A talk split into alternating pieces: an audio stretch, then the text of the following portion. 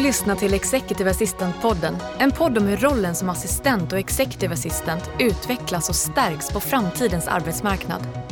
Podden produceras av Företagsuniversitetet i samarbete med nätverket IMA, International Management Assistance, rekryteringsföretaget Inhouse, röst och ljudproducenterna Online Voices samt Nordic Choice Hotels.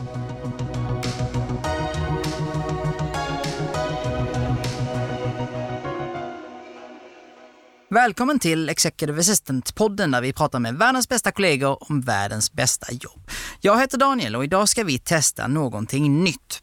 Det är nämligen så att när vi gör de här podcastsamtalen, när vi träffar alla våra briljanta kollegor, så ser vi olika mönster i de utmaningar, erfarenheter och framtidsmöjligheter som vi alla har. Därför kommer vi nu lite då och då att samla upp de här trådarna och producera specialavsnitt som fokuserar på en enda aspekt av den här rollen. Idag ska vi prata om relationen mellan en executive assistant och dennes chef. Vi ska titta på fallgropar, best practice och lite tips och tricks kring att hela tiden arbeta med att förbättra det här samarbetet. För att göra det här så ringde vi upp min kära vän Laura Belgrado i Bryssel.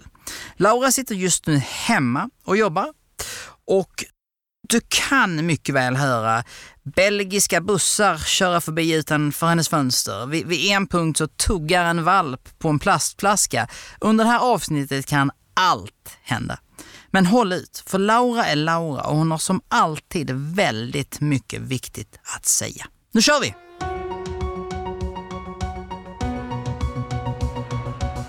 Laura, great to have you here. Hi, great to be there with you guys.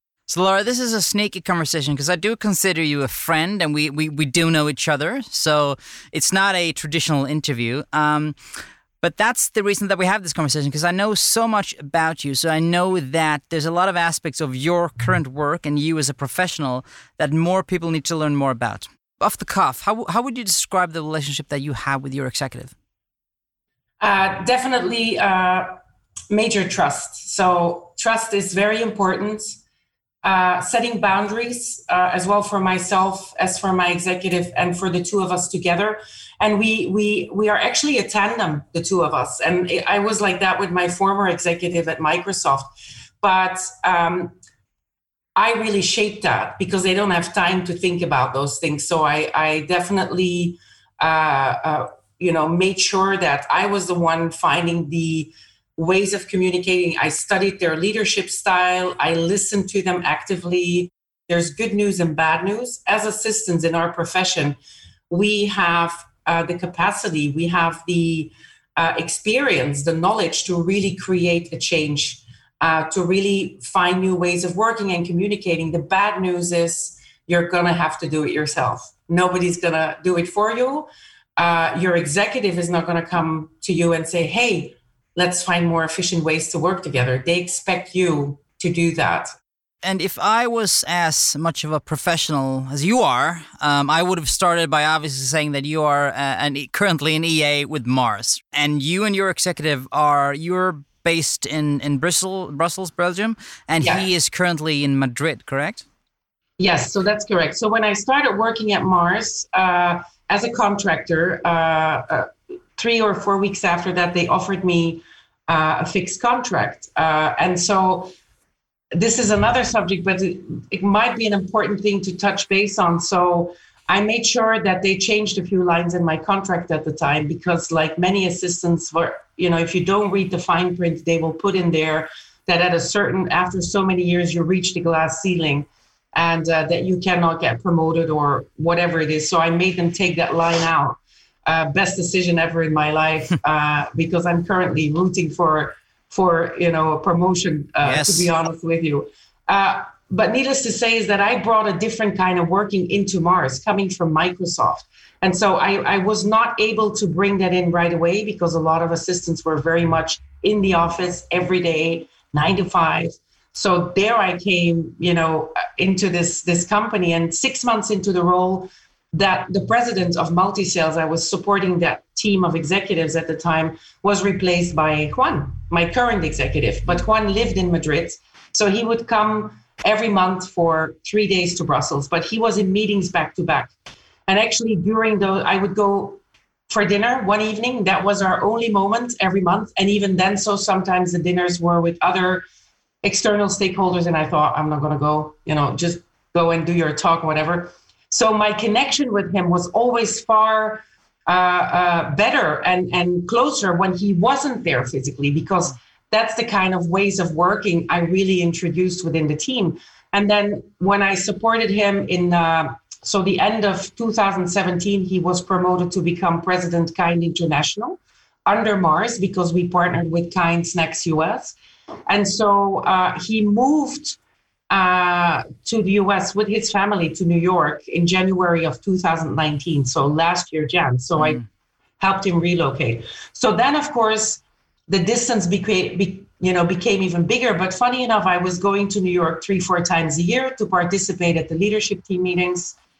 And, but, you know, I, I work very good remotely, but I realized now during the pandemic, lockdown, how many people were struggling with that because it takes a whole different kind of communication, organization, time management. If we take a step back, the relationship in between an executive assistant and the executive, why is that an important one for the executive? It's the most, I would say, important uh, relationship uh, for any executive to have for different reasons. Uh, first of all, they're human, you know, and they it's not because they are, uh, you know, extremely high level, whatever their title is. Let's call them executives uh, over the over the entire line. At the end of the day, they're human. They have good sides, bad sides. Uh, and I always say, male or female executives at that level don't get there uh, by uh, you know treating people as friends all the time. They're hardcore. You know, it's business. They want to get there. They're ambitious. They've chosen uh, you know this kind of career. So it means they they like this whole adrenaline that it gives. You know, they love to be challenged. Uh, of course, you know when now the challenges have been at times like so high that they're like hoping and praying for better times. I think that's all around the globe. But at the end of the day, as an assistant, it's important for us to realize, you know, don't feel sorry for them. And my boss knows that, right? I should never call him my boss normally, my executive, because I started feeling sorry for my first executive at Microsoft because I came from 20 years uh, sales, marketing, and events, conferences. And then I decided to change my career and became an EA. And I first thought the job was going to be boring boy was I wrong. It's never, you know, it's it's definitely been the most challenging and exciting career I've ever I've ever had in my life and been able to explore in there. But um, I think the biggest mistake I made at first was feeling sorry for my executive. And after three months in the role, I happened to have, have to print a document, uh, and it showed his salary, and my life changed. Uh, and I thought, why on earth am I sorry that this guy is going to fly on a Sunday morning? Really? I mean, and so when he came to the office, and I had that same conversation with Juan when he first started working with me. And Juan and, is your, uh, your, current, uh, your Juan is your current executive. Juan is my current executive, so he loves that story so much. He's told it to everybody he meets. Mike's, you know, he said my assistant told me I need to calculate my half hour worth. Mm. He's like, damn, I make a lot of money. I'm like, yeah, don't remind me, right? Mm. But it helped me to really, really become, rather than an assistant, I really stepped up the level of even senior executive assistant, showing the empathy. Don't show, you know, don't show sympathy, realizing that their time is expensive and valuable. Yeah. And I, I think at that time I really shaped my role so differently, as in thinking like them. You know, the empathy. Uh, the empathy is like put yourself in their shoes. If you are under pressure, they're under pressure 10 more times. Mm. And so the more I was able to organize the chaos in their in their lives, both personally and on an executive level, the more my time, yeah. you know, the better my time and my energy level was there. And I could deal with the, the stress and all of the things mm. changing all the time. And I think that's probably the biggest learning uh, and, and that I had with Juan when I started working with him when he became president multi sales. And I told him this story uh, you know, he said, you know, I trust you from the start. If I can't trust you, it's not going to work. And I told him that's great. I said, because I'm not the kind of assistant that's going to sit and wait for you to give me work.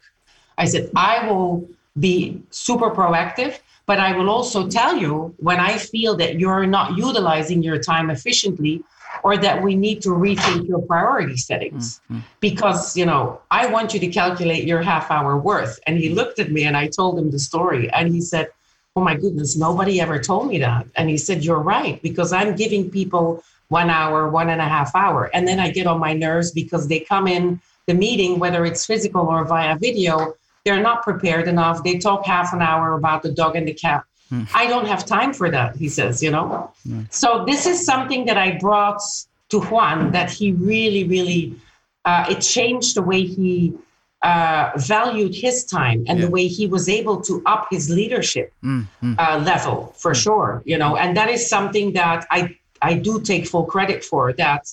I, I, I am able to show executives the importance of priority setting, uh, you know, that they need to value their time to yeah. to do pre-reads, to have a break, to have reflection time, we call it.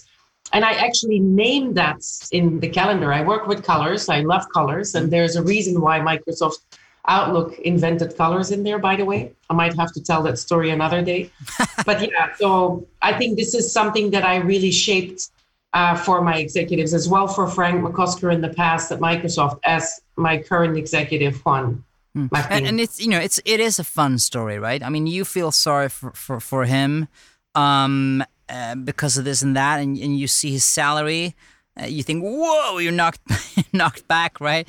Um, but it, but it hits at the core of being a strategic assistant, right? Because it is about making sure that the organization is getting the maximum value out of that often quite large investment, right? Exactly. Uh, very often I'm asked to participate in, in meetings, especially with people in our kind international team that might be younger and they want to launch a new project. Well, the past couple of months, because they see all the things I've been doing much more now, funny enough, mm-hmm. than ever before, uh, they come to me as a trusted advisor and they say, Laura, you know, if there's somebody who knows how to approach Juan, yeah. it's you. Yeah. And so I've been giving a lot of feedback like, okay, it's great. I always am very, I'm a very motivational person. However, you know, you need to make sure that you're short, crisp, don't come with 30 slides because Juan's going to log off. Mm. he has no time for that. So I'm actually yeah. advising them how to to communicate with these high level executives. Yeah. And it's not about being afraid. It's about thinking beforehand, whether you're the assistant or the sales manager or the market director, whatever your title is, go into any conversation thinking, be ready, yeah. be prepared, and don't waste their time. And so that is something that made me a trusted advisor in the team that they realized wait a minute, Laura is so close to Juan. Mm. She knows him so well. She knows the do's and the don'ts. And so now he realizes that because of my input, mm. um, the teams are a lot more prepared when they come with a proposal to him. Mm. The way of uh, getting his attention is is fast, crisp. You know the what's, how they're going to do it, why, and the return of investment. Yeah, and it's something that I definitely um, have been telling a lot of people to to implement a different strategy, whether it's to Juan or, or anybody working in any company, right? Yeah, and definitely, and you know, if if we put a frame around that. So, I mean, you referenced earlier your previous executive at, at Microsoft, which was your you know previous company, and your current one, Juan, over at Mars. Uh, and, yes. and and you know I think that's an that's an important aspect to have. I mean, this is not your your first gig. You, you've been around the block. You, you you've learned your way to your knowledge, so to speak. Um, yeah do you remember any and, and you know these kinds of successful relationships rarely just end up in your lap or just happen right? You, you work with them you, you shape them right? You influence yes. them. Do you remember any you know any of the sort of the first couple of days or weeks or months with each respective executives and sort of you know the situation you found yourselves in and how you started to shape that relationship that you wanted to have? Yeah, so you know, like I said, the first three months at Microsoft, it was quite overwhelming especially because my executive was traveling a lot.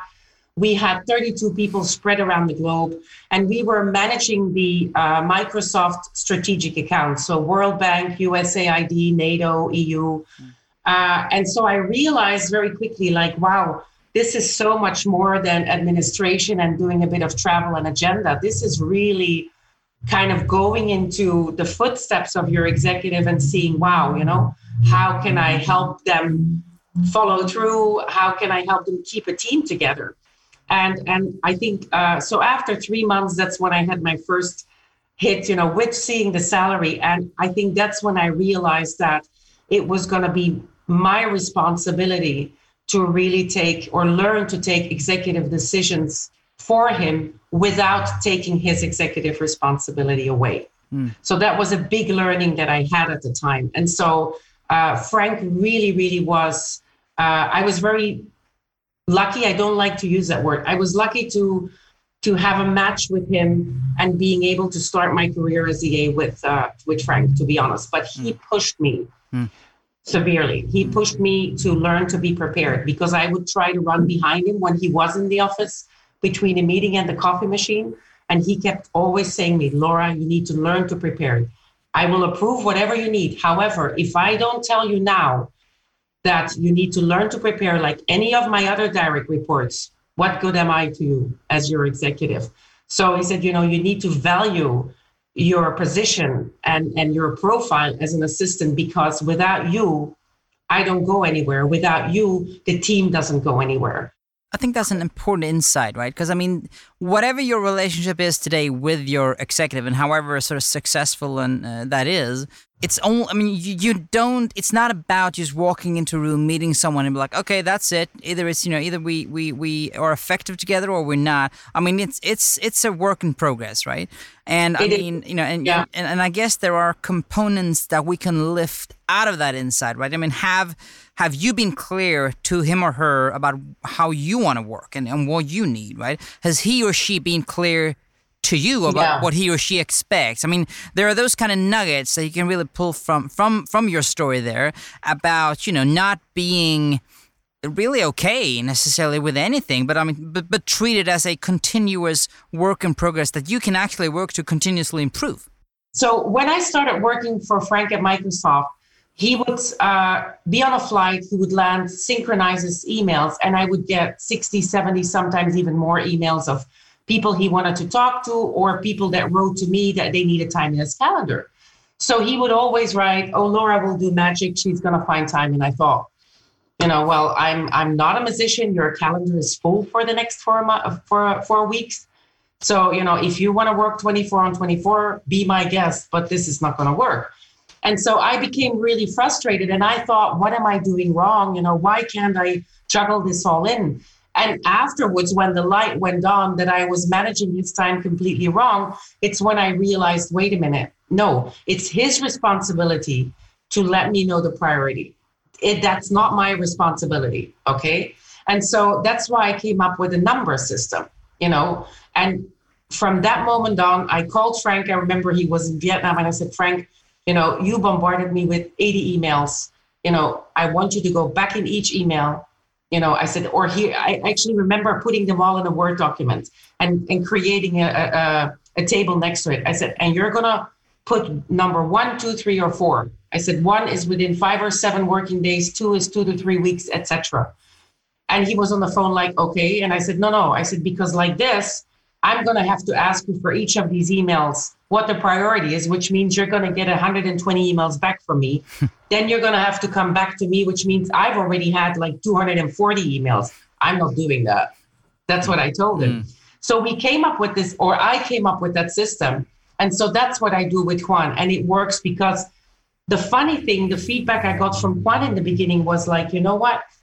I love this for two reasons. I hate email ping pong as well. But secondly, you know, it really helps me, he said, you know, to think about is this really a priority? Do I need to speak to this person in the next two days or can it wait mm. for another two weeks?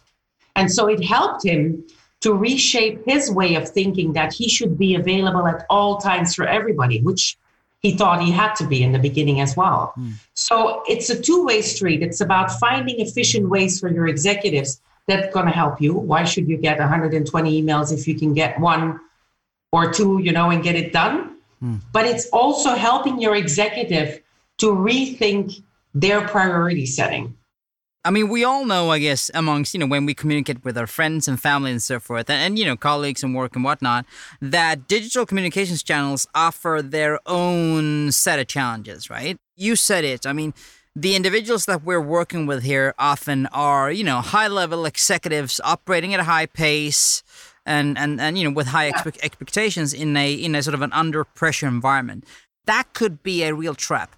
Uh, yeah, it can, you know, and I, I think uh, um, one of the things that I urge assistants, you know, when you work remotely, you need to pay attention uh, uh, to any behavior change. And that could be the way they write emails, whether it's to you or you put to somebody in the team and they put you in copy.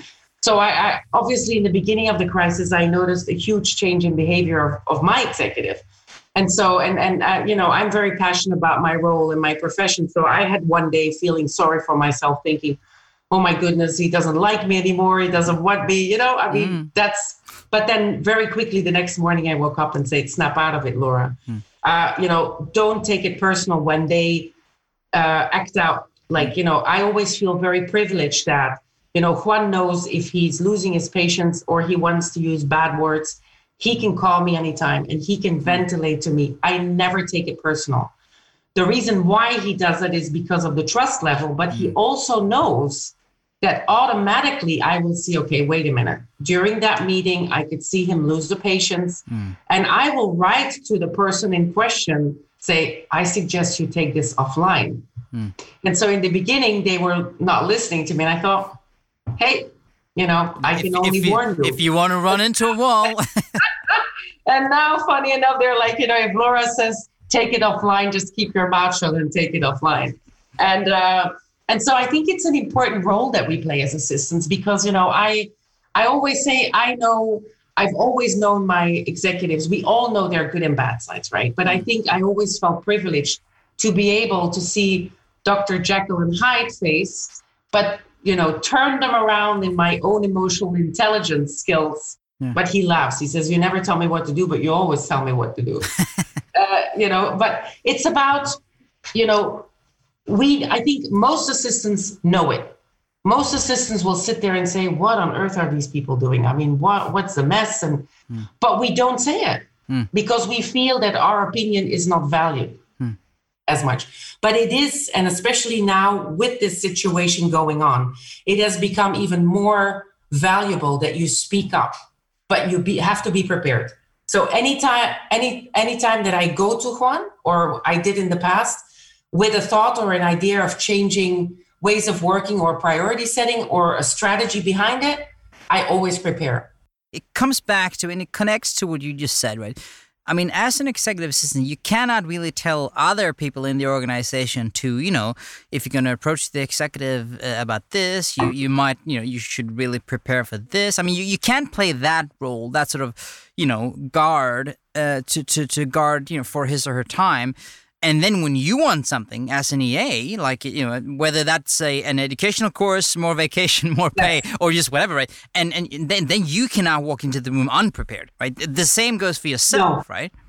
Upskilling is key to be able to be right there with your executive, moving forward into a new world of work, making sure that you can ensure business continuity for yourself, for your executive, and your company. So this is business talk that we need to learn as assistants.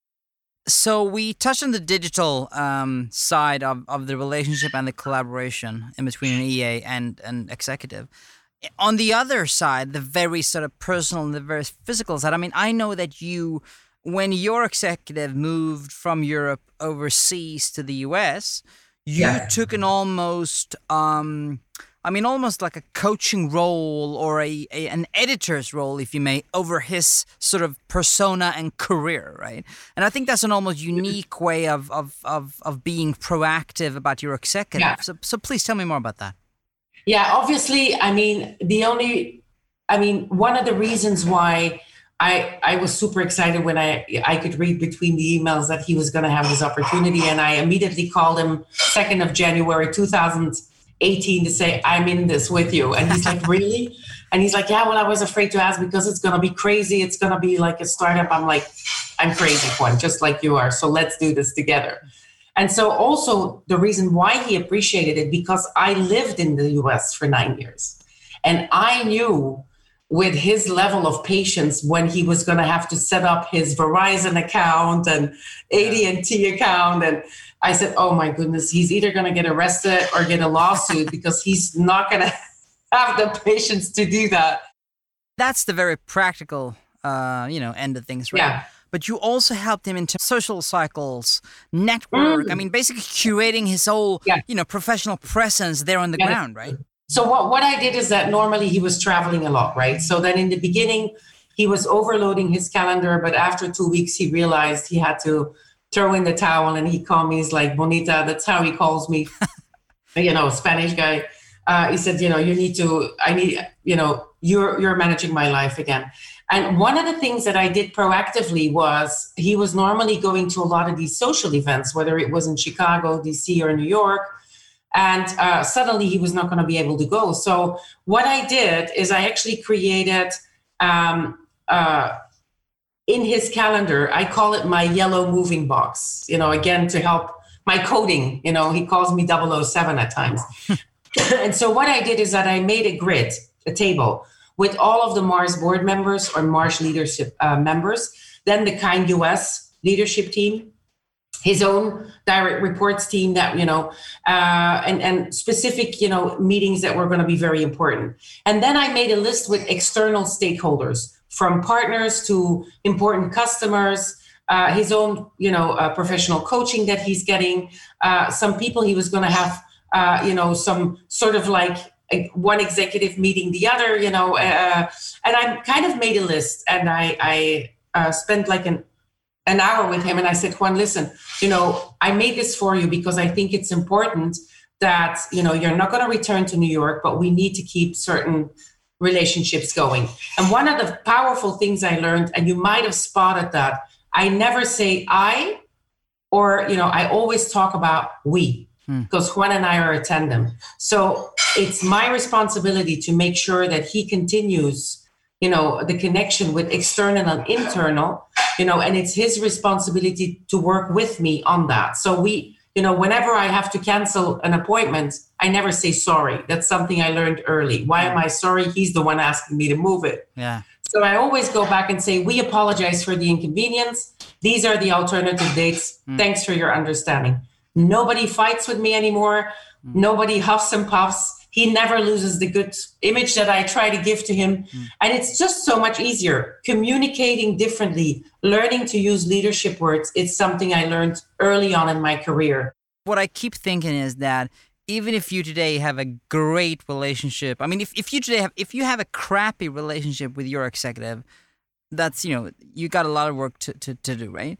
But even if you have a fantastic relationship with your executive, there's still work to be done, right? Because Oh yeah, these kinds it of never things, stops. Exactly, it's a continuous. It never stops. Continu- yeah, no, continuous no, effort. I mean, yeah, no, I, I mean, we had a, the crisis, the COVID, and then there was a, a, couple of personal things, and then it's somebody in the leadership team, and it's it's constant. It never stops. But it's not always easy. I have I have days where I just want to close my laptop and say, you know what, do it all yourself. Don't call me, don't write to me.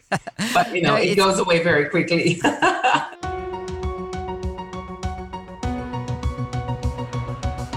one of the things I hear often from him is like, you know, you're brilliant at giving me time to reflect and to catch my breath. Mm. But I want you to do the same for yourself. So he appreciates it that I listen to that advice. Yeah. And and and I'm not afraid to write to him like Juan, I'm having a bad day. Mm. I had a couple of bad days during lockdown, and I said I'm, I'm just going to switch off for the afternoon. Mm. Anything urgent, WhatsApp me, call me. Yeah. You know. Yeah. And he's like, hey, whatever it takes, just relax. Mm. And I never feel bad. I never feel guilty, but I do communicate it. I mean, Laura, we have so much to learn from you. It's it's uh, you always feel that you could listen to you for hours and hours uh, and hours. Laura, thank you so much for being here. You're very welcome. Du har lyssnat till Executive Assistant-podden producerad av Företagsuniversitetet i samarbete med IMA, International Management Assistance, Inhouse, Online Voices och Nordic Choice Hotels.